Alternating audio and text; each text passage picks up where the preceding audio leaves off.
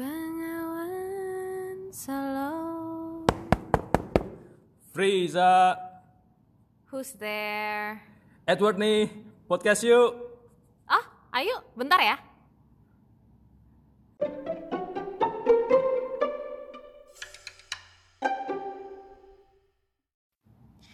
Tips anti galau di tempat baru. Uh.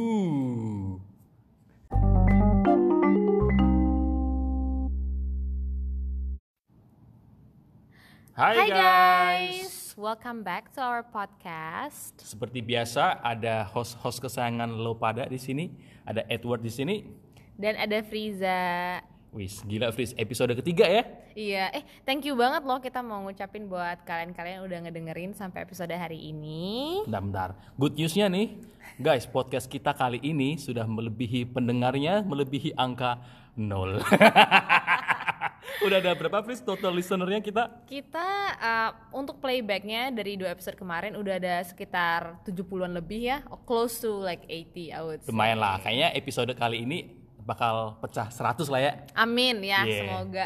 Hari ini topiknya actually um, lumayan menarik ya. Soalnya kita udah uh, brainstorm selama beberapa hari terakhir dan kita ngerasa um, kayaknya kita bagus nih kalau ngomongin soal tips-tips untuk um, mempermudah orang-orang yang mau pindah ke luar negeri. Yoi, karena itu adalah titlenya tips anti galau di tempat baru. Uh. biar catchy aja, biar catchy. Oke, kalau zaman sekarang Fris ya, kayaknya tipsnya satu aja sih. Apa? Google aja selesai. Udah, oke guys, that's it for today. Ini bakal jadi like the shortest podcast ever. tapi bener, tapi bener zaman dulu ada Google, cuman mungkin kita nggak maksimal aja kali ya, Nggak mah, belum belum belum jadi. belum secanggih ini Iya, lah. belum native kali ya. True, true, Ah, true. Oke, kalau pengalaman gue sendiri waktu pertama kali gue pindah ke sini, eh, cari koneksi sih. Jadi, Lu dapet koneksi dari mana? nah kalau gue dulu kan sebelum ke sini itu lewat agent pendidikan kan. Aha. Jadi di- mereka bantuin nih kita ada di kontak sama senior yang udah ada di sini. Oh gitu. Nah iya, tapi ini sebenarnya apply buat nggak cuma kuliah ya. Kalau lo kayak pindah ke tempat baru, kerja, kayaknya salah satu hal yang harus lakuin tuh lo cari tahu nggak orang ada yang ada yang lo Kenal, nggak di tempat yang baru itu, atau mungkin temen lo ada nggak yang kenal orang di tempat baru itu. Itu biasanya ngebantu banget sih. Hmm. Mereka bakal kasih tahu, oh lo kalau mau cari rumah, eh, cari di website ini, daerah mana, kayak gitu. Jadi nggak nggak kayak apa namanya? nggak bener-bener sendirian banget gitu Iya, kali ya. dan lo cari- Actually ini uh, sebenarnya lumayan manjur. Soalnya gue inget waktu gue pertama kali pindah ke Leeds itu, gue itu dikenalin sama temennya temen gue yang happen to be udah lulus ya. Jadi Hmm. dia tinggal uh, mau balik. Dia kebetulan orang Bali. Terus pas aku nyampe di sana itu baik banget dia dia like literally nganterin keliling Iya kan? kota jalan-jalan ngasih tahu oh nih kalau lo mau belanja lo ke sini. Lo kalau misalnya mau beli ini di sini. Which is very very helpful. Yoi, dan biasanya kalau udah gitu lu dibantuin ntar saatnya ke depannya lu bakal pay paid forward kan kalau ada orang yang junior lu atau siapa yang mau datang ke kota lu lu bakal bantuin Hmm, ya true, kayak true. gitu jadi I think kalau untuk sekolah juga mungkin lebih gampang ya, soalnya kan ada PPI. Jadi kalau misalnya ini sebagai contoh nih, kalau misalnya pindah ke ke Kuala Lumpur ya cari kontaknya lewat PPIKL. Kalau misalnya pergi ke US itu ada Permias. Terus kalau di Belanda juga ada PPI. Jadi kalau misalnya out ke PPI biasanya mereka more than happy to actually help you bantuin atau at least ngasih tahu kalau misalnya eh mau cari rumah tuh mendingan daerah sini sini sini sini gitu. PPI itu putra apa? Perkumpulan- perkumpulan? Apa? Persatuan, Persatuan Pelajar Indonesia, Ah, ya yang belum tahu ya. Iya. kayak gitu. Ya kalau tapi kalau nggak ada yang kenal juga jangan takut jangan jangan khawatir. Karena kan sekarang zamannya online ya banyak tuh forum kan nah itu forum pasti banyak tuh yang diskusi-diskusi gitu Hmm. cari aja pasti banyak yang mau nolongin Banyak yang nolongin tapi mesti hati-hati, Bo. Lu nggak inget gue kapan tuh kena scam apartemen gue. oh iya iya, itu gue ikut forum judulnya um, apa sih expat.org atau apa gitu gue lupa. Terus ya, kan udah lama ya nggak pernah ke Malaysia. Terus pas pertama kali dapat kerja di sini tuh gue ikut forum itu. Terus di forum itu tuh ada orang nyari housemate dua cowok Perancis. Akhirnya gue tinggal sama mereka. Eh, long story short, gue kena scam. ternyata rumahnya itu landlordnya bukan landlord beneran ternyata dia cuma saplet doang Oh. internet kagak pernah dibayar listrik kagak pernah dibayar akhirnya habis berapa itu ya hampir 2000 2000 lebih ringgit Hmm. Shit. 2000 lebih itu buat bayar listrik sama internet terus akhirnya kita diusir dari rumah itu kita cuma dikasih waktu dua minggu buat cari rumah baru gila nggak Lu bikin police report nggak? Iya ya I did Tapi ya, Tapi ya, bikin gitu aja lah lah. gitu ya, police report lah gitu-gitu aja ya. kagak ke mana-mana Hmm. oke terus apa lagi nih tipsnya Terus apalagi ya? eh, Oke, kan kalau lu ke tempat baru, lu kayaknya jangan itu deh, jangan ngumpul sama Indo doang. hmm Ya, kalau bisa sih cari teman lokal. teman lokal uh, I think ini ya kalau bisa sebenarnya lokal international orang Indo sebenarnya kalau Iya dipikir-pikir lagi ideally lu punya kayak three of these chunks e- Bener equally, sih, no? bener bener bener bener bener. Hmm, Iya. soalnya lu akan more op- be more open minded kan kalau lu ada more variety in your friendships Bener, kalau cari yang lokal, kalau bisa cari yang punya mobil guys. Jadi bisa, gitu? jadi bisa diajak jalan-jalan. oh eh tapi jangan salah ya kita berdua sini punya mobil kok Gak ada yang bercanda, cuma em, kalau yang teman lokal tuh biasanya bisa bantuin nih kalau lu ada masalah apa-apa, kalau lu mau beli barang apa-apa tuh biasanya mereka tunjukin, eh lu beli sini aja gitu kan. Jadi kita sebagai yang orang baru tuh nggak ke nggak ketipu-tipu Yoi, lah. kayak Eh gitu. tapi benar ya kapan tuh gue pernah nggak berapa lama ini pertama nggak pertama kali kena tilang sih beberapa kali kena tilang. Cuman yang pertama itu langsung bayar di kantor polisi, langsung bayar di di BKL. Tapi yang kedua nih itu abis effort itu terus gue kena tilang kan. bisa online kan? Iya dan gue nggak tahu cara bayarnya Oh, iya. gimana. So happen that uh, my local friend namanya Adlina itu dia yang akhirnya bantuin gue kasih tahu cara bayarnya gimana. Oh gitu. Eh di sini tuh lucu tau guys sebenarnya. Kalau lo parkir sembarangan, di sini tuh sering kena denda. Oke. Jadi tiap-tiap eh, daerah itu biasanya mereka eh, kayak polisi distriknya tuh beda. Mm, Jadi betul, kayak daerah betul. KL kan ada yang Dewan Bandaraya Kuala Lumpur. Mm, kalau yang di daerah PJ, PJ tuh itu Majelis Perbandaran MBPJ ya. Petaling Jaya. Jaya, nah, benar. kayak gitu. Terus yang di KL ini nggak tahu sejak kapan acaranya tuh lu kalau ditilang, lu kalau bayarnya cepet antara 1 sampai tiga hari setelah kena tilang tuh lu bayarnya murah. lima belasan 15 ringgit. ya Berarti cuma 50 ribuan lah. 50 ribu. tapi Tapi kalau lo jadi kayak eh, empat hari sampai seminggu tuh jadi 30 ringgit, jadi 100 ribu jadi double sampai kayaknya mentok-mentok tuh lu bayar sampai satu juta. tiga ratusan ya tiga 300 ratus ringgit. ringgit itu kalau lebih dari Kayak sebulan bulan. kayaknya. oh lebih dari Kayak sebulan kalau nggak salah ya, pokoknya gitu. Mahal. Iya pokoknya soal nih kayak lalu lintas segala macam nih gue udah pernah dari ditilang dari mobil gue kena derek juga. Gue pernah gue pernah kena speed cam dong. oh iya iya iya. Oh itu langganan cowok gue. Kalau kita nyetir pasti di rumahnya ada fotonya kita yang pas Yoi dan jadi kalau lo kena speed cam di sini tuh ntar lo bakal dikirim ke account lo.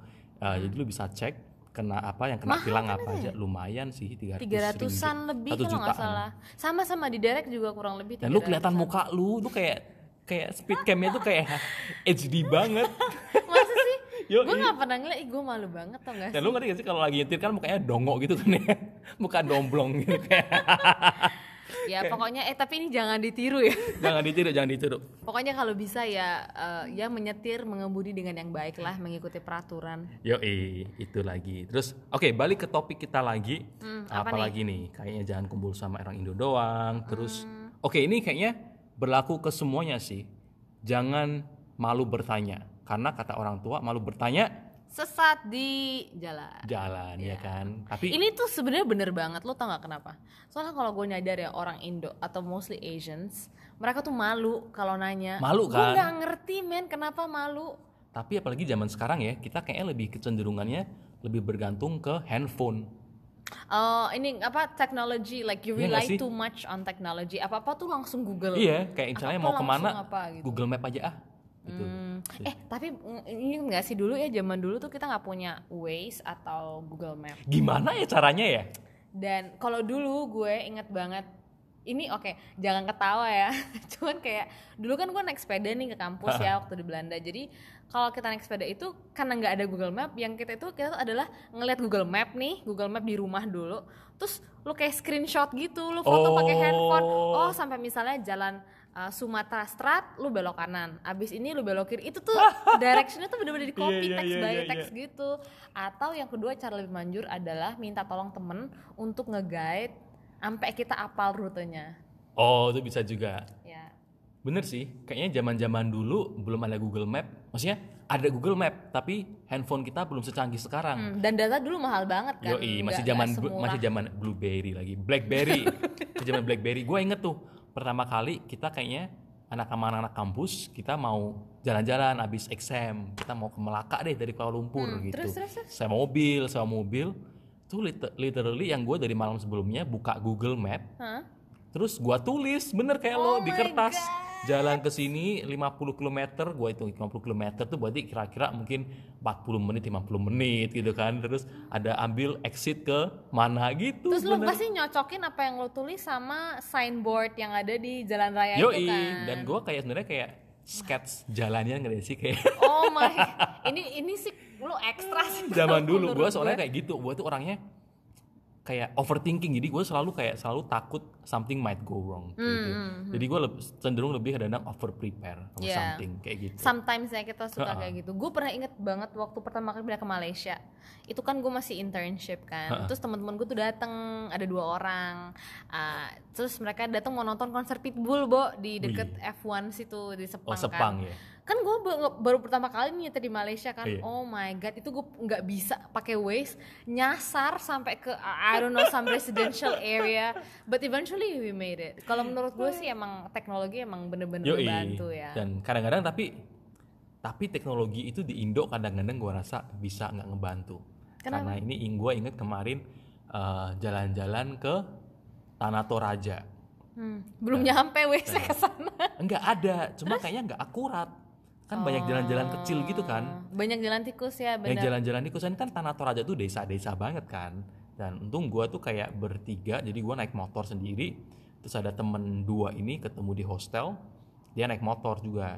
Terus hancur deh. Pokoknya istilahnya itu kalau lo nggak tanya orang sana, lo nggak Nggak bakal, sampai. bisa.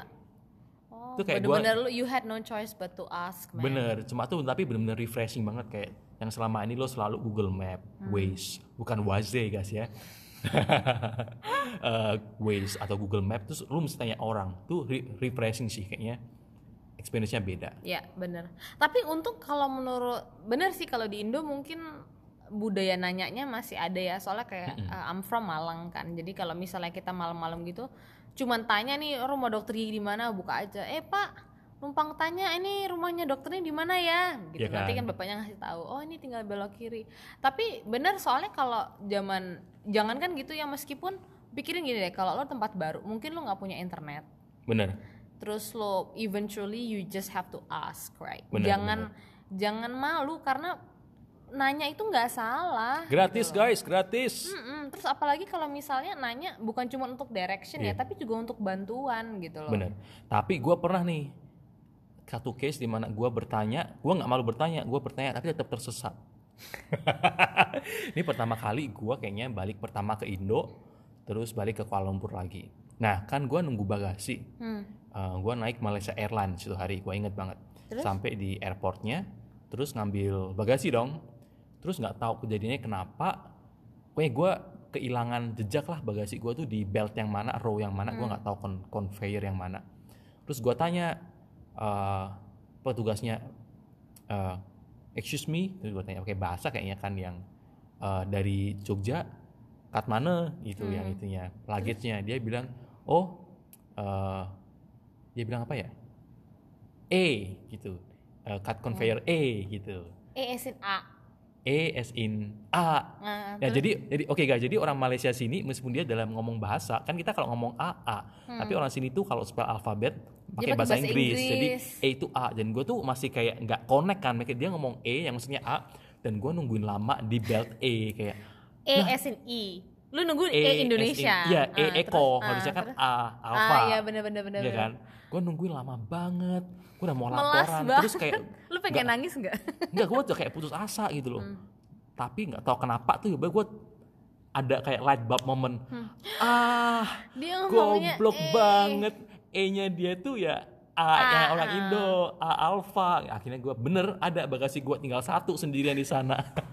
untung nyadar ya Itu nyadar. itu Nah itu ya salah satu satu one in a million di mana lu tetap lu tanya tetap tersesat kayak gitu sih. Hmm, Tapi nggak apa-apa, soalnya kan eh, itu emang salah satu different culture ya. Yoi. Soalnya kalau orang Indonesia itu kan alfabetnya ngikutin bahasa Belanda. Jadi the way how we pronounce things uh, A B C D E F G H dan bla bla segala macam itu sama seperti dengan Belanda. Sedangkan kalau orang Malaysia ini kan mereka Commonwealth ya, uh, Hmm. will- apa nama sih? Jajahan Bahasa Indonesia, Inggris. ah ya jajahan, Jajahan Inggris. Inggris. Jadi uh, negara-negara yang udah pernah dijajah sama Inggris itu mereka punya geng sendiri namanya Commonwealth dan biasanya kalau Commonwealth ini negara-negaranya seperti India, India. Singapura, Malaysia, Australia, Australia. New Zealand itu ya ngomongnya memang al- alfabetnya ngikutin bahasa Inggris gitu. Kayak gitu. Itu sih. Terus, Terus apa lagi nih tipsnya? apalagi ya? eh, Oke, kita sekarang di era teknologi kita harus bisa manfaatin teknologi, ya kan? Kayak Hmm. eh, salah satunya adalah Banyak sebenarnya. sih. banyak sih sebenarnya kayak eh, Sekarang gue video call lu grup nah bisa banget. barengan kan di. WhatsApp ya? Gue belum pernah lo, lo udah Oh, pernah WhatsApp call gua barengan? Gak tau, gue gak tahu gimana caranya, cuman kakak ipar gue yang Temen gue pernah itu kayak dia kaget gitu, Hah, ini bisa barengan kayak kampung gitu cuy. Tapi emang ini kan udah canggih banget, jadi emang uh, Lumayan. it's something that you you have to enjoy aja. Dan itu kayaknya teknologi zaman sekarang sih bisa ngebantu di masa-masa transisi di mana lo masih kangen sama keluarga, ya kan? Lalu Hmm, Zaman mungkin- dulu nggak se Yoi, ini ya. mungkin lo belum ada temen kerjaannya apa? Dengerin podcast, ya kan? Nah, salah Hmm. satunya kayak gitu. Kalau zaman-zaman gua dulu tuh kayak ke sini masih zaman-zaman itu. Facebook masih gede banget tuh Facebook, MSN. Oh ya? Iya, dan lu kalau uh, itu kan gue pindah sini tahun 2009. Hmm, terus? Itu di mana kalau lo mau kayak Skype call tuh mesti janjian dulu. Dia kayak eh nanti online ya jam 9 malam gitu. Dan lu kadang-kadang inget gak kalau lu janjiannya lewat Facebook cuy, lu nulis nulis di Testi wallnya. ya? Enggak, bukan testi, testi mah Oh, Friendster. itu lebih lama lagi. Gue lebih itu itu lebih itu itu cringy banget sih itu. Itu kalau Facebook tuh lu- orangnya. Iya, Aduh, was about to say the F. Friendster gua hilang lagi, gua email gua alay banget sih, email gua alay banget. Apa? Virgo guy. Enggak. Soalnya punya gue Miss 18 May. Wih. Gila gue pengen muntah inget-inget itu cuy. Enggak gua email gua eh dras underscore exhibit at hotmail.com exhibit tuh Dras kayaknya apaan Dras? nggak tahu deh dras tuh inspirasinya dari mana gua nggak tahu tapi exhibit tuh kayaknya dia presenternya Pim My Right apa apa di MTV gitu cuy Pimaira itu tuh. Terus Iya, lama terus banget. kayak ya kan Tapi melas ya kalau mau Skype aja like you have to go through like so much effort. banget banget dan Facebook masih gede dan lu zaman zaman lu gue inget banget kalau Facebook tuh lu hostmetan sebelah sebelahan ngobrol lewat Facebook wall ngerti nggak?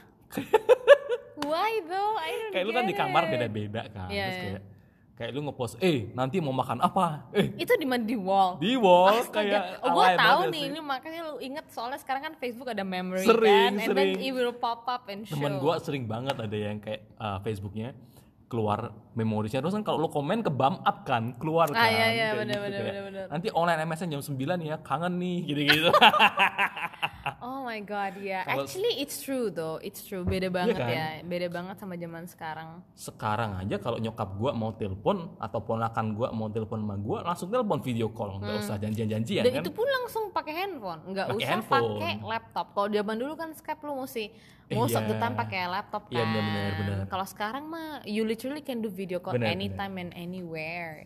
Kalau zaman gue dulu itu pas pindah line call sih, karena di Indo kan line gede banget zaman dulu. Itu pakai telepon, voice call, uh, voice note ngirim-ngirim atau nggak ada video call kalau nggak salah zaman dulu. Eh apa ada ya? Cuman jarang. Nyokap Skype? gue jarang video call. Iya sih Skype, Skype. sih. True true true. apalagi ya Um, dan ini- dulu telepon tuh mahal. Ingat gak sih di Indo dulu zamannya bilang SLI sama SLJJ sambungan langsung, langsung internasional, internasional sama lam- sambungan langsung jarak, jarak jauh, jauh. ya Jarak jauh tuh yang beda kota kalau nggak salah ya. kan kayaknya kalau lo nomor Jakarta lo ke Semarang hmm. kalau lo angkat telepon kena roaming kan Iya itu yang SLJJ. ah iya iya zaman dulu Ah, anjir ya Gila men. Sekarang siapa pakai telepon sekarang landline? WhatsApp call sekarang data lebih gede Gratis lagi. yoi I mean in a way lah ya. in a way kayak gitu apalagi ya Apalagi coba kita lihat teknologi. Ah, ini kayaknya eh, gua aja ya nggak tahu kayak lo ya tapi kalau gua kangen rumah ya gua buka Google Map terus gua cari alamat rumah gua terus gua lihat atap rumah gua dari dari atas Google Map. Mm, Oke. Tapi kalau lo tinggal di apartemen nggak bisa. Kan kalau lo tinggal di Indo kan biasanya kan perumahan itu kan, lo bisa kelihatan. Oh ya rumah lo sepetak ini, itu. Oh gitu ya. Terus like how does it like trigger some emotion? Ya kalau lagi namanya homesick, lagi sakit, ya gitu. Terus Bener gua ya. Tapi kalau sakit emang paling Iya bikin kan? kangen rumah ya. gak ada yang ngurusin. Gak ada yang ya ngurusin. kan? Terus apa pun yang mau lakuin tuh rasanya kayak oh it's just three times harder than what it's used to be, right? banget. Biasanya kan makan udah disiapin kayak gitu. Terus eh, oh ya ini kalau soal makanan jagonya gue nih, gue sering banget eh, di mana pun gue tinggal like I always try to cook Indonesian food. Oh. Itu soalnya kalau kangen rumah. Kalau kalau I think for me gue lebih particular ya orangnya. Misalnya kan kalau karena karena aku orang, orang Jawa, jadi kalau kita makan kan you know makanan itu kayak rawon Soto. atau soto atau opor, which is susah men bikinnya. Susah susah. Jadi biasanya kalau pulang tuh langsung bawa yang bambu atau bumbu-bumbu Ah. gitu yang tinggal dimasak. Terus kalau sekarang nih gue mau uh, share a little bit of my tips. So basically kalau kangen masakan Indo aku suka ngikutin resepnya William Gozali. Dia yang menang Master Chef Indo yang terakhir. Oh iya. Iya, gue ikutin resepnya dia ayam goreng mentega gila men. Itu rasanya kayak beli di Chinese restaurant gitu. Wah. I ingat think I think you should try. ingat masakan nenek gua. Oke, Hmm. kalau cerita-cerita soal masak-masakan Indo, gua pernah zaman kuliah masak soto. Wih, iya iya. Gua lihat resepnya online kan. Oh. Terus terus. Kan online. Wih, semangat kan? Semangat. Gua pergilah menuju ke supermarket terdekat. Belanja lah kan di situ ada kasih lengkuas, bawang putih, bawang merah, terus uh, bumbu itu ya apa serbuk kunyit ya, Hmm. yang kuning-kuning gitu kan. Bu apa ya kunyit bubuk lah. kunyit bubuk ya, pokoknya gue beli bumbu-bumbunya balik rumah nih udah balik rumah ada ayam udah gue siap-siap masukin Terus terus gue masukin bumbunya kunyitnya segala terus gue masak kok baunya nggak kayak bau soto baunya kayak bau. kari Kok bisa? bau kari ternyata tuh yang kuning itu bubuk kari bukan bubuk Astaga. kunyit. So basically it's curry powder, bukan iya itu kayak Bukan soto dengan kearifan India cuy. itu bukan turmeric powder bukan kunyit. Itu bumbu kari. Dan gue nggak tahu kenapa nggak baca atau gimana. Atau gue masukin akhirnya jadi kari ayam dong. jadi ya tetap gue banyakin kecap manis aja. Kecap manis sama bawang putih gue udah goreng itu ya. Lumayan lah. pakai soun pakai ayam gitu. Tapi emang itu kalau lo masak sendiri segalanya terasa ya Iya. enak aja. dan tuh gue masak sepanci dua hari pagi kayak breakfast lunch dinner makannya itu Aduh, seru seru seru kayak seru. gitu terus ah itu Udah sih itu aja kayaknya tipsnya ya. Mm-mm, terus Are you ready? session 2 Iya. session 2 iya terus kayaknya session 2 kita mau ngobrol soal cultural cultural differences yang udah kita pernah alamin Seru banget guys. Stay tune.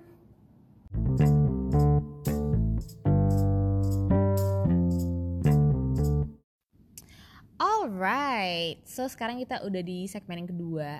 Kita akan membahas cultural differences atau perbedaan kultur dari negara-negara yang so happen that we know lah ya. Mm bener banget. Ada ada apa aja? Malaysia, Malaysia. Gue sih taunya Malaysia sama Indo doang sih. I Tahu lah bule berapa bule-bule tau bule-bule tau lah like your. South America a Yeah. little bit terus I would know uh, Dutch atau Belanda sama Inggris I can help as well Oke. so apa nih yang Pertama pertama kali, Malaysia dulu apa? kali ya Malaysia dulu. hmm. Eh, gue yang inget kalau Malaysia ulang tahun. kenapa Kalau ulang tahun orang Indo satu, lu ulang tahun lebih prefer ngerayain after your birthday atau before your birthday? after lah Orang Indo selalu after kan? iya Tapi kalau orang sini cenderung biasanya sebelum. oh iya Iya. oh iya iya bener Iya kan? dan mereka lebih cenderung sebelum terus mereka itu yang ulang tahun yang dibayarin Nah, bener itu yang kedua, poin gue yang Hmm. kedua. Jadi kalau orang Indo kan yang ulang tahun yang traktir kan. betul betul Makanya gue kalau di Indo nggak suka rayain ulang tahun karena dimintain traktiran. Kalau di sini malah enak soalnya lu Di yang sini enak. dibayarin segala macam you, Iya. you literally cuman datang doang gitu nggak usah ngapa-ngapain lagi iya, gitu. jadi kalau lu segeng berempat, kalau di Indo lu ulang tahun lu bayarin berempat, kalau di sini empat orang itu bayarin lo makan. hmm, buat- bener. Ya tapi ya eh it- tapi lu tau nggak kenapa kalau orang Indo tuh ditraktir? Eh apa orang Indo tuh neraktir kenapa tuh? soalnya ini tuh sama kayak orang Belanda. Tapi orang Belanda ya pesta ulang tahunnya tuh aneh banget. Kalau lu ulang tahun di Belanda lu adalah lu punya kewajiban sendiri untuk bawa kue tart lo sendiri dan itu yang ngebagi-bagiin ke orang lain berarti kan konsepnya kurang lebih sama tuh sama Oh orang iya, Indo gue inget banget, gue inget banget dulu ada anak magang di kantor kita Yele. dari Belanda, bukan si Yele dulu, sebelum Yele, Ah, terus satu angkatan di atasnya. Tuh dia ulang tahun. dia yang bawa kue sendiri Iya, kan terus dia muter, muter. Terus Iya. dia ngasih tau eh guys ini ulang tahun gue gitu Yoi. Terus kalau nah tapi ada satu lagi yang ngomong tadi masih di ulang tahun nih. Orang Belanda kalau mereka ulang tahun ke-50 itu it's such a big deal. Biasanya Oh. kalau lu ulang tahun 50 misalnya lu cowok nih ya. Ntar di depan rumah tuh ada balon segede gaban, gambar orang misalnya 50 ada gambar cowok gitu lah umur bukan 50. janur kuning. Enggak. Tuh nikah kalau janur enggak, kuning. enggak. Terus yang paling aneh kan lu ngasih hadiah nih. Kalau kita orang Indo biasanya ngasih hadiah lu nggak buka di depan orangnya kan. Enggak. Kalau orang Belanda lu kasih hadiah lu buka depan orangnya. Terus lu cuma duduk aja gitu bikin lingkaran. Itu bener-bener iya itu Itu ada deh cult gak sih? lumayan. Pokoknya ada satu artikel ngomongin tentang betapa anehnya perayaan ulang tahun. Lo kalau nggak suka kadonya lu buka, Ya lu bilang aja oh faking it, that's you have to nice. fake it dong. The higher the pitch the more you hate it. Ih, bagus banget. ah, so nice. semakin tinggi pitchnya semakin kerasa. Ih, gue paling sebel lo kalau disuruh buka kado depan orang. Awkward banget, men. Iya kan? Ya kalau gue suka kadonya. Ya, kalau Maksudnya gue kan menjunjung tinggi nilai apa? Tidak berbohong ya, kejujuran ya. Cuma ya honesty lah. kadang-kadang white lies. Oh jadi gitu ya kalau di Belanda ulang tahun lu buat roti kue sendiri ya, cake sendiri. Kalau di Indo kan kita harap-harap cemas di surprisein ya. Terus itu apa suka dikeju apa di surprise pakai apa sih telur? ah itu gua gak demen banget. Lu pernah nggak? No sih, I don't think so. Gua I always pernah. manage to dodge. Gua pernah diceburin ke kolam. Ya Itu zaman SMA.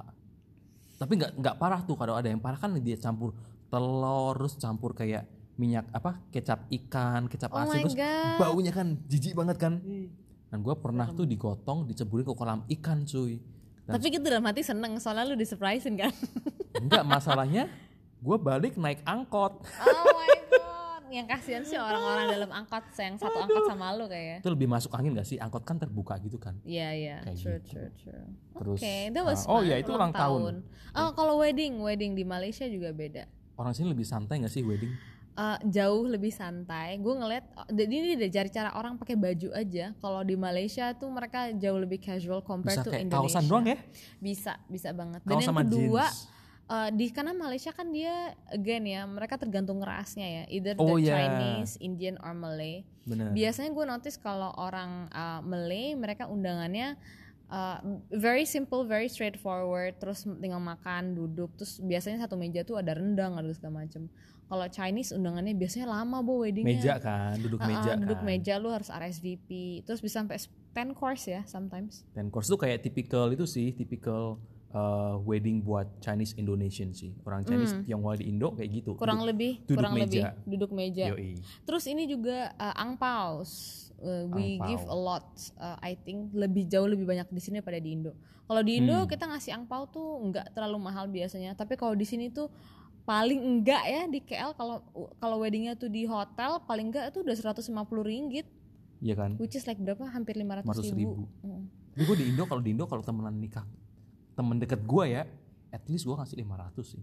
Loh, iya, tapi kalau di Indo itu temen temen deket lu aja lu kasih 500. Kalau nggak deket lu nggak ngasih 500 kan? Enggak. Nah enggak. makanya kalau di Malaysia kalau lu tahu dia punya wedding tuh misalnya di hotel gitu itu udah minimum 150 Ngomong-ngomong Fris ya, soal wedding dan angpau. Hmm. Kan kita biasanya sekarang prinsipnya kalau lo wedding lo di hotel, Hah? lo kasih angpau lebih banyak. Iya Kalau lo misalnya di kayak restoran kayak restoran atau mungkin deh ini bukan orang yang berlebihan Hmm. mungkin di kayak gedung-gedung serbaguna Hmm. terus angpaunya lu turunin Hmm. sebenarnya kayak ini logika yang ngasih gua nggak setuju ya sebenarnya ya lu kalau orang kaya bisa gelar pernikahan di hotel sebenarnya mereka punya duitnya. Beda cuy beda. Kalau orang Indo kalau mereka kaya nih they don't really look at the amount of the angpau itself. Karena mereka tujuannya sebenarnya memang celebration. Iya kan? Tapi kalau di sini nggak gitu. Kalau sini kan orang maunya cuan bro Oh. Mereka mau balik modal kalau sini dan ini ini bukan I mean I'm not trying to be biased or whatever ya. I mean my boyfriend is also Chinese kan. I've actually talked to a lot of other people. Terus uh, gue ngomong waktu itu sama Maria. We actually notice the same thing. Kalau di Indo lo tau ada kawinan, yeah makan gratis satu keluarga kalau lo bawa juga sebenarnya nggak apa-apa. Tapi kalau di sini kan lo nggak bisa gitu. Mereka emang hoping that they would get something back out of it buat jadi savingsnya Ah. mereka di masa depan. mungkin beda dari lingkungan lo sama lingkungan gue Fris ya Hmm. kan karena eh, gue kebanyakan hadirin kayak pernikahan pernikahan eh, tradisi Chinese Hmm. Di Indo apa di sini? di Indo di Indo Oh oke. dan tuh biasanya iya makanya gue mikir kalau lo gedung lo mewah lu sebenarnya lu tamu dateng ngasihnya dikit nggak apa-apa toh orangnya kan emang mampu rich anyway ya Cuma kalau misalnya justru orang yang kalau gedungnya biasa-biasa aja itu justru yang gue mikir mereka yang bisa make duit sumbangan lo lebih nggak sih Yeah, I think that's a really good good logic. Iya And then kan? kalau lu nyadar nggak sih kalau Chinese Indo they would have the sangjit. Oh, Kalau orang sini nggak ada. orang sini nggak ada Orang bener sini nggak ada bener sangjit.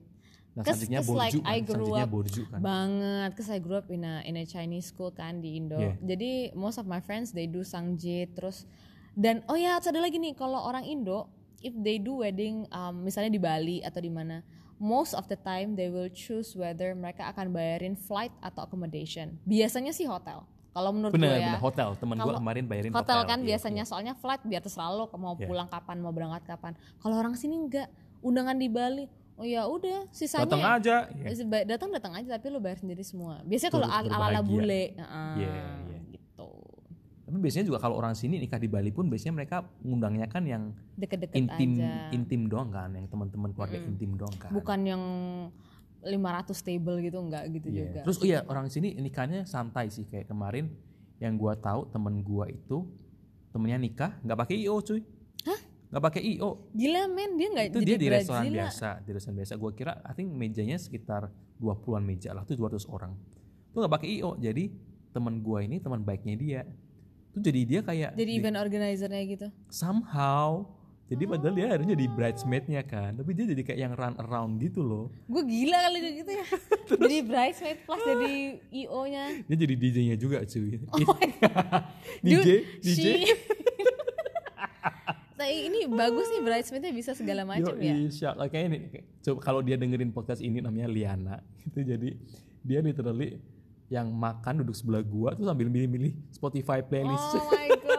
jadi speakernya restoran itu kan dikonek ke laptop di laptopnya itu dikonekin Oh, ke Spotify, dia. dia. Kan dia bisa atur dari, dari eh, handphonenya. handphonenya kan jadi gitu Oh, wow. Terus kayak untung nggak sempet main lagu Indo ya soalnya dia nggak nyadar itu kayak oh iya tuh kalau playlistnya habis kan lu kalau pilih-pilih lagu Langsung playlist loop habis yang itu langsung ya. ganti ke Ha. lagu lain kan bener dia. bener bener Udah, bener. Li, ini lagu lo yang mainin iya oh iya make sure ya itu lagunya bener semua ntar tahu-tahu kalau lagu Indo Peter Pan kudanya malam Tapi seru, tapi ini sih mungkin lebih intimate ya kalau orang-orang yang paling deket yang Ya. bantuin ngurusin. Bener. I think it creates like more emotional touch in it. benar benar dan kayak gue. lebih nggak cincong nggak sih lebih nggak repot nggak sih lu nikahan harusnya enjoy aja kalau orang Indo kan Hmm. Kalau biasanya mana bisa enjoy. exhausted kan habis itu kan ya kan Habis habis merit habis resepsi kayak biasa kayak berangkat aja makan aja mungkin enggak. apa itu malam pertama yang ada maunya tidur ya kan terus apalagi nih Seru juga, Eh, apalagi? nikahan, ulang Nikahan, tahun ulang tahun. terus working culture ada perbedaan nggak Fris untuk kerja I think both of us nggak pernah ya kerja di di kita Indo. belum pernah kerja di Indo Tapi kita sering ke kantor kita yang di Indo. Kantor Ah. cabang kita di Indo. Kalau menurut gue ada. I think kalau di Singapura they are more hardworking compared to Malaysia. hmm. Um, Malaysia tuh kayaknya in between um, Indonesia sama Singapura. Nggak terlalu Bener sih. hardcore. bener Tapi mereka juga ada like Titik personal, tengahnya ya. iya titik tengahnya. Kalau orang Indo, I'm sorry but don't hate me. Mohon maaf nih, cuman rada agak slow sih kalau menurut gue pace-nya. Hmm. Hmm.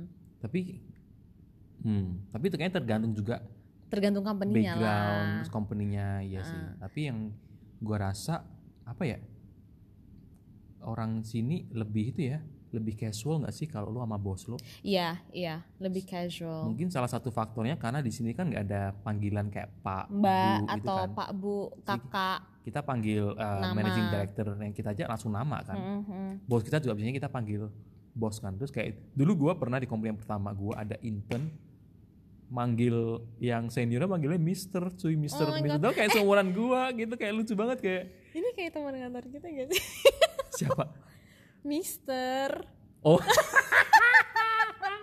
Iya, anyway. cuma kayak aneh gua Aneh kayak nggak sih iya kayak seumur gua umur segini 30 nggak genep dipanggil Mister tuh kayak Aelah lu ngapain panggil nama aja gitu dan Dan itu itu ngaruh banget tau. Soalnya kalau lu se- sela- selagi lu manggil orang kayak pakai Mister atau kakak gitu, lu akan ngerasa ada apa ya unwritten segen gitu. Yoi, dan terus kalau misalnya kalau kita kayak kerja sama yang eh, tim kita di Indo kan, kan kita kalau lihat email nggak tahu tuh Mbak, Mas, Hmm, Pak gitu kan, Oh iya, gue selalu dipanggil Mbak Friza. iya kan? Karena gue Kan, pikir kayaknya gue nggak tua-tua "Ih, banget. Friza aja gitu kan. Ah, ah, ah, bener-bener. Iya, jadi kalau kadang di email lu kayak kadang misalnya ngobrol sama orang nih, lu panggilnya nama terus, tapi begitu lu di loop di email thread sama yang lain, ternyata orang-orang panggil dia Mbak atau Mas atau Pak. Iya, kagok nggak lo Iya, iya, kagok nggak iya kan?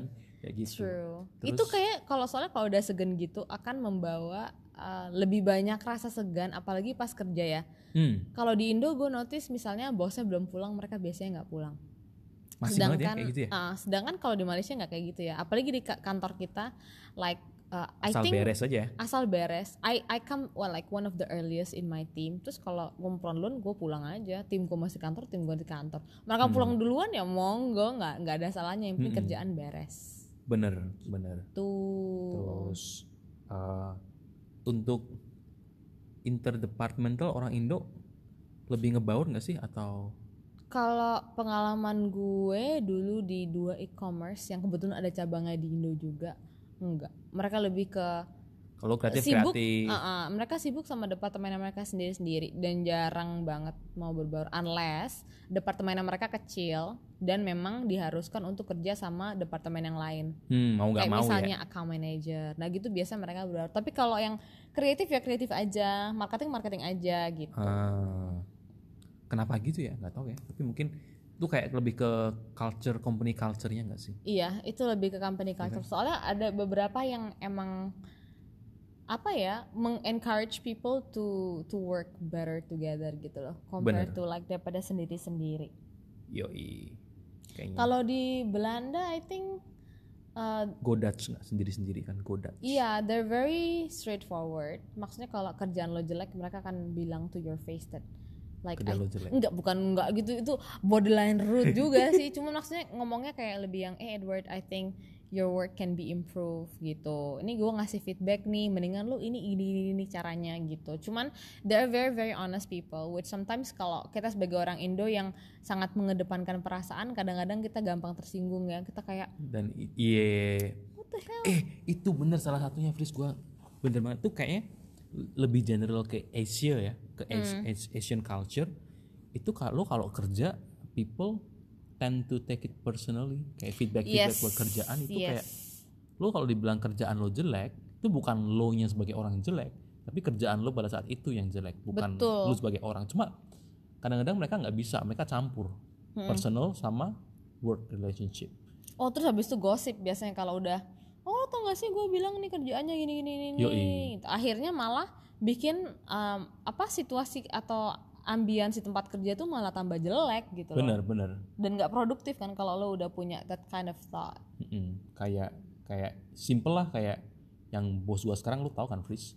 Eh, orang Itali dan orang Itali kan kayak direct lah ya. Ya jadi yang denger-denger kayak role-role yang kayak sebelum gua datang orang-orang itu pada nggak tahan Soalnya orang Indo nggak nggak tahan dikasih feedback Malaysia biasanya. juga justru kan Oh, kan ya? yang Oh iya di iya iya Malaysia benar benar yang benar di Malaysia benar, benar. orang Malaysia nggak tahan Hmm. padahal selama gua kerja sama dia ya dia yang ngomongin dia kalau gua nggak ada gua yang jelek ya dia bilang as it is gitu dan tapi gua ngerasa tersinggung dan gua mikir gua tuh ada kayak light bulb moment kayak oh ini nih Nih, gara-gara ini dia mungkin dia nggak betah gitu. kalau kalau gua dibilangin bego kalau gua tahu itu salah ya berarti gua terima Hmm, Ngerti nggak? tapi kadang-kadang orang kan egonya tinggi ya Iya. Gila apa gue bilang dibilangin bego, Ya Iya, benar-benar. terus kayak refuse to learn kayak gitu kan I mean True. he is like someone is your leader or your superior for a reason gitu kan dia dengerin aja Tapi toh sebenarnya kalau um, di Malaysia certain company, gue bisa tuh kayak misalnya give feedback to my Hmm. colleague and then we argue in the meeting and then after that we have a drink together after work banget Ya kan? itu yang gua itu suka adalah itu adalah satu titik yang paling sweet spot where you know kamu bisa bedain antara kerja work is work personal is personal. Harus sih harus sih gitu. Kayaknya yang denger ini teman-teman yang denger ini coba lah kalau ada kerja di kantor bertengkar. Kan biasanya kalau di kantor kan lu ribut gara-gara kerjaan kan? Dan itu kayak nggak bawa-bawa nama ibu lo nggak bawa nama bapak lo. Kan ya tapi kan masalah kerjaan klien ya jadi harus subjektif lah istilahnya dikotak-kotakin lah ya pinter-pinter ngotak-kotakin aja dan bahkan kita berdua sebenarnya kerja bareng we Hmm. work very closely banyak project bareng dan kalau misalnya ada apa-apa di kantor kita ngomongin baik-baik we are Iya, very iya. honest to each other cuman it doesn't make us bitch gitu loh kalau misalnya ada satu kerjaan yang nggak benar-benar nggak sih iya kalau lo misalnya gue minta ini lo bilang nggak bisa ya udah lah ya kan. Hmm. kalau emang reasonnya bener ya emang gitu ya kan ya true terus apalagi ya eh, culture oke yang gua ngerasa dan ini gua ngerasa kagok tapi ini membuat gua bersyukur juga. Apa? Bahasa. Kan di Malaysia ini kan multiracial country. Hah? yang paling besar kan eh, Melayu India sama Chinese. Tiap-tiap mereka ini punya bahasanya beda-beda. Betul. Dan gua ada beberapa situasi di mana kalau gua kumpul nih sama kalau Melayu tau lah ya bahasa kita bisa ngerti. Kurang lebih lah kurang, lebih, ya kan? Tapi kalau yang misalnya sama yang India dan Mhm. mereka biasanya ngomong Tamil di antara mereka kan gue nggak ngerti dong. Mm, apalagi kalau waktu kuliah dulu banyak yang orang Chinese. Mm. dan terus? Mandarin gue bukan yang conversational Mandarin. Terus? Jadi kalau mereka ngomong ya kayak udah gue zone out kayak hello gitu. Dan aha. Oke I know where is this going. Kayak itu menurut gue sih kayak lo rude sih kalau lo ng- ngomongin ada orang di kumpulan lo yang nggak ngomong bahasa lo Ah, dan lo ngomong bahasa dan yang mereka ngotot tetap ngomong bahasa itu gitu. Iya dan dan itu nggak gua nyalahin kan karena Hmm. sebenarnya kebiasaan kan. Dan it, so it took me some time juga Fris. Dulu soalnya gua di kantor pertama gua juga banyak eh, ada orang dari Ukraina dari Hmm. Kazakhstan gitu kan. Terus ada beberapa orang Indo juga. Terus? sering kayak by default tuh kalau ngomong sama orang Indo ngomong Indo langsung, langsung. switch ya ya ya. Dia marah temen gua ini yang orang si orang Ukraine ini marah. Terus dibilang apa? Guys English I'm here. Kayak gitu. Nah pertama kali gue ngomong wih kayak what a bitch. Cuma terus gue nyadar iya sih kesian juga kalau gue di Hmm. posisi dia juga pasti. Apalagi dia posisinya yang dia dari Ukraine yang bahasa Malaysia juga nggak ngerti itu kan. Dan kayak dia bener-bener common language-nya alienated gitu iya common loh. language-nya bener bahasa Inggris doang kan. Nah dari situ tapi kita adjust dan biasa jadi sekarang udah biasa kalau kayak gue malu juga kalau ada orang yang nggak ngomong bahasa Indo juga kita kan automatically, automatically switch to English, English, kan. ya ya. Ya. Ini kalau oke I give you my my two cents ya. So kalau untuk yang di Malaysia ini benar. Tapi for me I think it's still one of the reason why I sometimes don't like living here. Hmm. Soalnya kayak kalau zaman dulu gue tinggal di Europe, no matter where I go, siapa pun itu misalnya I hang out with like 10 Dutch people, the moment I join them, they straight away speak, speak English. Nah, lebih tapi kalau di sini ya. lebih consider tapi kalau sini tuh I have to tell them like guys can you please speak in English? Like Ah. I think kita tuh harusnya nggak perlu sampai ke point itu where I have to like literally beg them to speak English for me gitu loh. Dan itu nggak cuma di kalangan temen casual doang ya. Lu kalau meeting sama klien juga nggak sih kadang-kadang? Ya ya meeting sama klien. And the worst part is especially kalau lo biracial couples So Hmm. just to give you a bit of context, so my boyfriend kan Chinese ya kan. Terus kalau misalnya kita pergi ke dokter bareng nih, ini pernah nih kasusnya gue benci banget. Kita tuh pergi ke lihat toko souvenir, eh toko souvenir, toko furniture. Hmm. Kita masuk dong berdua. Jadi toko pertama, gue dilihat aja kagak, disapa good morning kagak. oh iya Dia langsung nyapa cowok gue, speak in Mandarin, dada cause I can understand kan Hah. terus gue bilang oh um, dia ngasih tau nih harga sofanya segini segini gue langsung tanya sama cowok gue oh he cannot speak English is it? Gue langsung gitu di depan orangnya cowoknya. gimana? Orangnya gimana? Kayak um, ya ya uh, I can I can. And then my boyfriend bilang lah kayak enggak lah mungkin dia bahasa Inggrisnya kurang bagus gitu. Ah. ke dokter juga sama. Kita ke dokter kulit bareng. Gue dalam satu ruangan itu dia kagak mau ngomong pakai bahasa Inggris. Sampai gue nanya terus udah kelar nih kan gue tanya sama cowok gue terus tadi ngapain? Gimana? Ceritanya gini gini gini gini. Dia cerita sama gue oh sorry ya gue nggak ngerti sorry I don't understand like that girl didn't speak English sampai gue tuh harus kayak gitu gitu loh dan Ah. gue ngerasa kayak harusnya lo nggak boleh sampai ke poin yang Ya, literally iya. like You Lagi lu know? udah di kayak di service line ya, dokter kan service Exactly. line And kan. like we pay for the service gitu Nah loh. iya dan tadi gue bilang ya ini adalah hal yang bikin gue kagok tapi juga bersyukur karena Kenapa? kita di Indonesia Heeh. bahasa Indonesia kan semua kita semua Ah, true. bicara bahasa Indonesia dan gue ngerasa ya kalau di Indonesia ini sebenarnya itu lebih gampang kayak lebih sering lihat kayak orang kumpul lo mau lo orang Batak lo orang Sunda lo Hmm. orang Chinese dan karena bahasa lo sama Betul. Dan ini sebenarnya orang Malaysia banyak yang iri. Iya kan They always melak- mereka selalu bilang kayak aduh kapan ya kita bisa kayak uh, orang Indo karena orang Indo tuh tergant apa nggak doesn't matter where you're from Hmm. tapi kalau lo udah ngomong Indo tuh like it just instantly have this brotherhood gitu loh. Yo iya, apalagi kalau lo udah di luar negeri, ya kan? Wah pasti seneng banget tuh dengar orang ngomong Indo kayak Yo "Ah, orang Indo ya gitu. Kayak yang episode kita kemarin ya, ih orang Indo nih. Bener-bener sih bener. I think I think for me even though gue udah tinggal di sini dan gue dapat penjelasan dari cowok gue sendiri, cowok gue sendiri juga sama. Like dia bilang kadang-kadang sama orang-orang tertentu udah terlalu nyaman ngomong sama bahasa in mother tongue-nya mereka. Cuman mereka kadang-kadang tidak merasa kalau dengan melakukan hal itu akan mm, apa ya bukan menyinggung sih kayak ya membuat orang Merasa lain tidak nyaman lah, gitu iyalah. loh. Jadi ya udah iya. meskipun udah pakai alasan itu pun gue tetap pada pendirian gue I still think it's rude. Iya. So guys don't do it ya. Yo jadi kalau buat kalian teman-teman yang kalau di Indo lah ya, kalau di Indo konteks di Indo, lo kalau ngomong Jawa tapi ada temen lo orang Jakarta yang ngomong bahasa Jawa, ya jangan ngomong Jawa gitu kan. Hmm, yang ngomong bahasa Indonesia aja Ya, lah yang, orang semuanya ngerti. kenal ya. gitu kan kayak gitu. Jangan bikin orang lain tuh merasa nggak nyaman atau Yeah. alienated just because they don't speak your language. kayak lo mau mau nyambung juga nggak tahu nyambungnya di mana kayak gitu kan. kan kasihan gitu loh maksudnya try to put in their shoes like how would they feel kalau mereka nggak ngerti sama sekali gue pernah waktu itu like one of those times di salah satu my ex company mostly uh, they speak in Mandarin saking gemes gemes banget gue ya gue literally kalau lunch tuh mereka udah ngomong segala macam gue langsung pakai earphones Ya kayak sama aja, sama aja kan. Lo nggak ngerti juga yang dia omongin Hmm, Iya, apa gitu makanya. kan. Tapi ya itu biasanya mereka yang nggak ada exposure kayak ke keluar ya misalnya. Makanya yang kayak gua bilang tadi tips-tips kalau lu pindah ke tempat baru lu jangan ngumpul sama yang orang, Indo aja orang Indo aja. Lu mesti Betul. expose sama juga yang backgroundnya lain. Jadi ya lebih jadi toleransinya lebih tinggi lah. Betul gitu. betul betul apalagi ya eh, orang Indo sama yang orang oke Karena kok bule-bule gengsinya lebih lebih nggak bergengsi nggak sih? Maksudnya orang Indo tuh gengsinya lebih gede. Misalnya Misalnya, lu kalau ke mall deh di Malaysia aja ya, Mhm. lu ke mall kayak mall yang mewah kayak pavilion Uh-huh. gitu, lu masih bisa lihat orang pakai sandal jepit, sama kaos Sama no I mean kaos. sometimes I do that ya kan? Kalau di Indo lu ke GI itu udah kayak mau kayak nikahan. kayak mau uh, datang acara gala Kalau bisa sanggulan, sanggulan tuh tante, ya kan?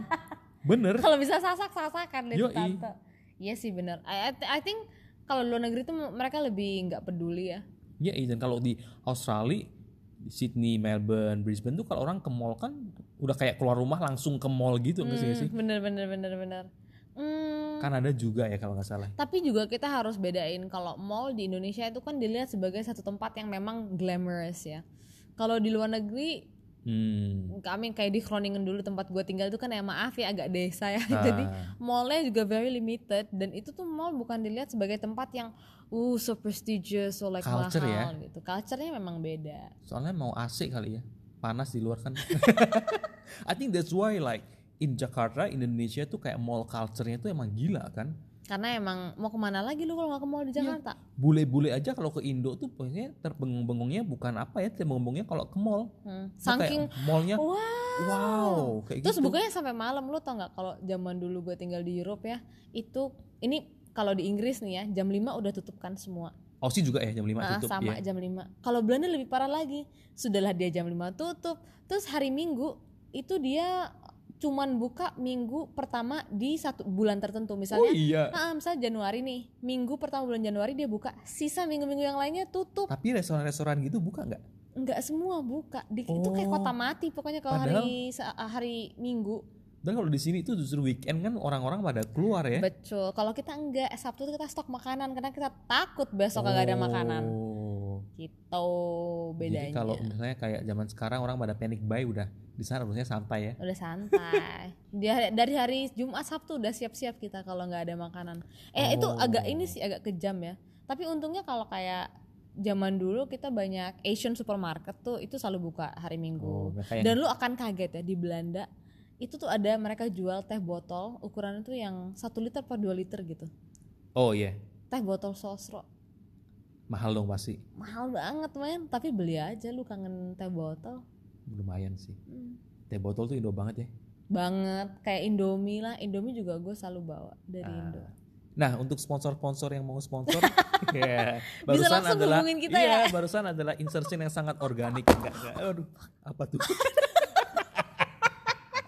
Ada kesalahan teknis, guys. Tapi ya, It's okay. itu organik ya insertionnya. Ya, siapa tahu gitu. ada Eh, Jangan lupa contohnya. dong kan kalau misalnya mau hubungin kita bisa lewat Instagram kita ya kita Oh udah iya, ada udah ada ya. Apa word handle-nya? At freaked out underscore podcast. So jangan lupa follow guys. Yoi, kasih podcast saran. Kalau ya buat tahu aja sih yang kita ngob- ngobrolin apa aja. Apalagi Fris, kita. Aku so far kalau cultural difference sih kagetnya mungkin apa ya pas kalau pindah beda benua sih itu lebih lebih nyentrong gitu ya bedanya. ah ya kalau ke Malaysia doang kayaknya masih bisa Cuacanya oke lah, sama, Yoi. terus orang-orangnya kurlep sama lah. kurang lebih. Tapi kalau menurut gue banyak orang nggak tahu kalau kelihatannya orang tinggal di luar negeri itu indah-indah doang ya. Mereka kadang-kadang agak suka lupa kalau sebenarnya banyak sedih-sedihnya juga tinggal di luar negeri gitu. Gue pernah tanyain sama sepupu gue, kapan balik? Lu pasti kalau ta- tanyain orang sering kan kalau balik Indo tuh pertanyaannya standar. Apa? Kapan balik? Maksud sampai sampai berapa lama di sana? Enggak tuh kalau gue. Oh, enggak ya? Mereka tahu gue nggak mau balik soalnya. Nah, soalnya gue kan juga ada uh, bisnis keluarga kan, jadi Mhm. otomatis tuh kayak mereka tuh ngarep uh, persepsinya gue pakai bakal balik gitu kan. Terus terus, gue masih, oh tahu sekarang sih masih nyaman, masih enak, masih Mhm. selama gue mikir sih selama masih ada yang dipelajarin, itu ya udah jalanin aja. Mm-mm. Terus gue tanya gini, gampang deh, lo hidup mau hidup kaya atau hidup nyaman? Gue bilang gue sih kalau sekarang sih mau hidup nyaman. Gitu. Ya kalau hidup nyaman sih usah di Indo. Kalau Iya hidup sih. nyaman nggak usah di Indo. Iya bener lah. Kalau lo, jadi kalau lo istilahnya kalau lo mau kaya, lo istilahnya bikin bisnis di Indo tuh peluangnya gede. Lebih gede. Lo di Indo jual apa aja pasti ada yang Iya kan? Nah, tapi kalau lu mau hidup nyaman di mana mungkin kualitas hidup lebih bagus. Kalau misalnya di Kanada tuh kan apa? Ya mungkin lu nggak kaya-kaya banget, cuman tapi kan maksudnya ke hidupnya lu. enak. Education ke cover. health juga Health ke cover. cover. Kayak Iya, bos gue bilang di Italia itu nggak ada orang miskin Iya, bener. dan nggak ada orang yang kaya. Mungkin kaya ada kali ya. Ada lah yang Ada, kaya. Cuman yang kaya yang miskin. biasanya mungkin cuma 5% dari populasi. Iya, jadi lebih kayaknya hartanya tuh lebih tersebar rata. Kalau di Indo lebih kan rata. Dan lu paling kaget ya di Italia, Italia tuh bukan bukan satu negara terkaya ya. Tapi kalau negara Scandinavian kayak Sweden atau Finland itu dude, orang-orangnya itu emang tajir mampus men. tapi biasa aja. Tapi ta- nggak maksudnya gini tajir mampus tapi middle upper middle classnya tuh banyak banget Oh, orangnya jadi gitu ya loh. itu biasa, itu biasa, di sana. heeh. jadi memang ya gitu. Kebetulan gue punya tante tinggal di di Sweden dan apa ya ya mereka rata-rata memang orangnya kaya gitu. Apalagi kayak Monaco itu Hmm. juga orangnya rata-rata kaya. Karena tapi the more eh, apa the richer you are kan taxnya semakin gede. Jadi oh, kalau ya. Uh, uh, progresif kan jadi ada satu tempat kalau nggak salah di Denmark itu lo cuman boleh tinggal di salah satu mansion itu kalau gaji lo tuh misalnya sampai X number gitu ya Wow. dan itu taxnya bisa sampai 50% men Oh iya. iya 50% Oh makannya bos gue yang kemarin ini kan dari Denmark. Eh sama lah. oh iya Iya kan? benar benar benar benar. bisa sampai 50% so mesti ini juga dipikir juga Makanya pada ke sini ya. iyalah Lebih enak teksnya kecil, Teksnya kecil. hidup bagai raja. hidup bagi iya hidup bagai raja nggak nggak usah winter, panas terus. Ya, ya kan? memang ini kan uh, such a luxury aja tinggal di Benar. sini gitu. Di sini uh, untuk yang nggak tahu teksnya kita itu untuk enam bulan pertama 26%, habis itu, 28 nggak sih?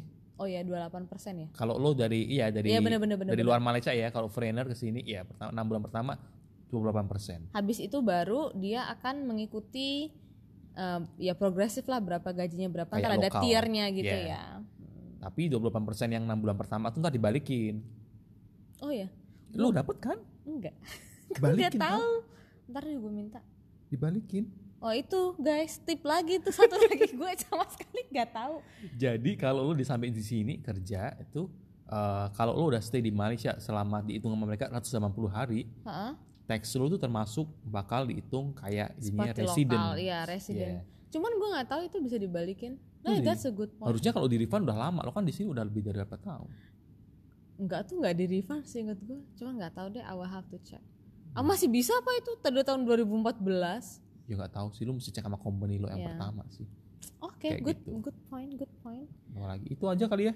Hmm. Eh, podcast kali ini lama banget ya. Iya lumayan. Ngobrol. Almost sejam kalau. Iya, soalnya kali ini kita rekamannya di studionya enak. iya, studionya kita udah punya studio baru guys. Laya-laya duduk di sofa, iya. Which is like how it's supposed to be, Yoi, right? makanya kita ngobrolnya juga ngobrolnya nyaman gitu. Oke deh, I think I itu think aja. let's wrap it up. Uh, itu aja kayaknya. Kalau ada yang mau ngebungkusnya gimana nih kita? Ada yang mau dipelajarin, mau dipesan-pesan yang di- dipelajarin? Ah, kalau gue lebih ke teaser sih, teaser buat next episode kita akan share cringy Oh. cringy um, experience tentang housemate kita. Oh iya, karena housemate itu adalah menurut gua tuh housemate yang bikin salah satu faktor tergede yang bikin Betah pengalaman ya. either betah atau Hell. hell. Iya. Oke, jadi stay tune ya guys. Oke. See, See ya. you.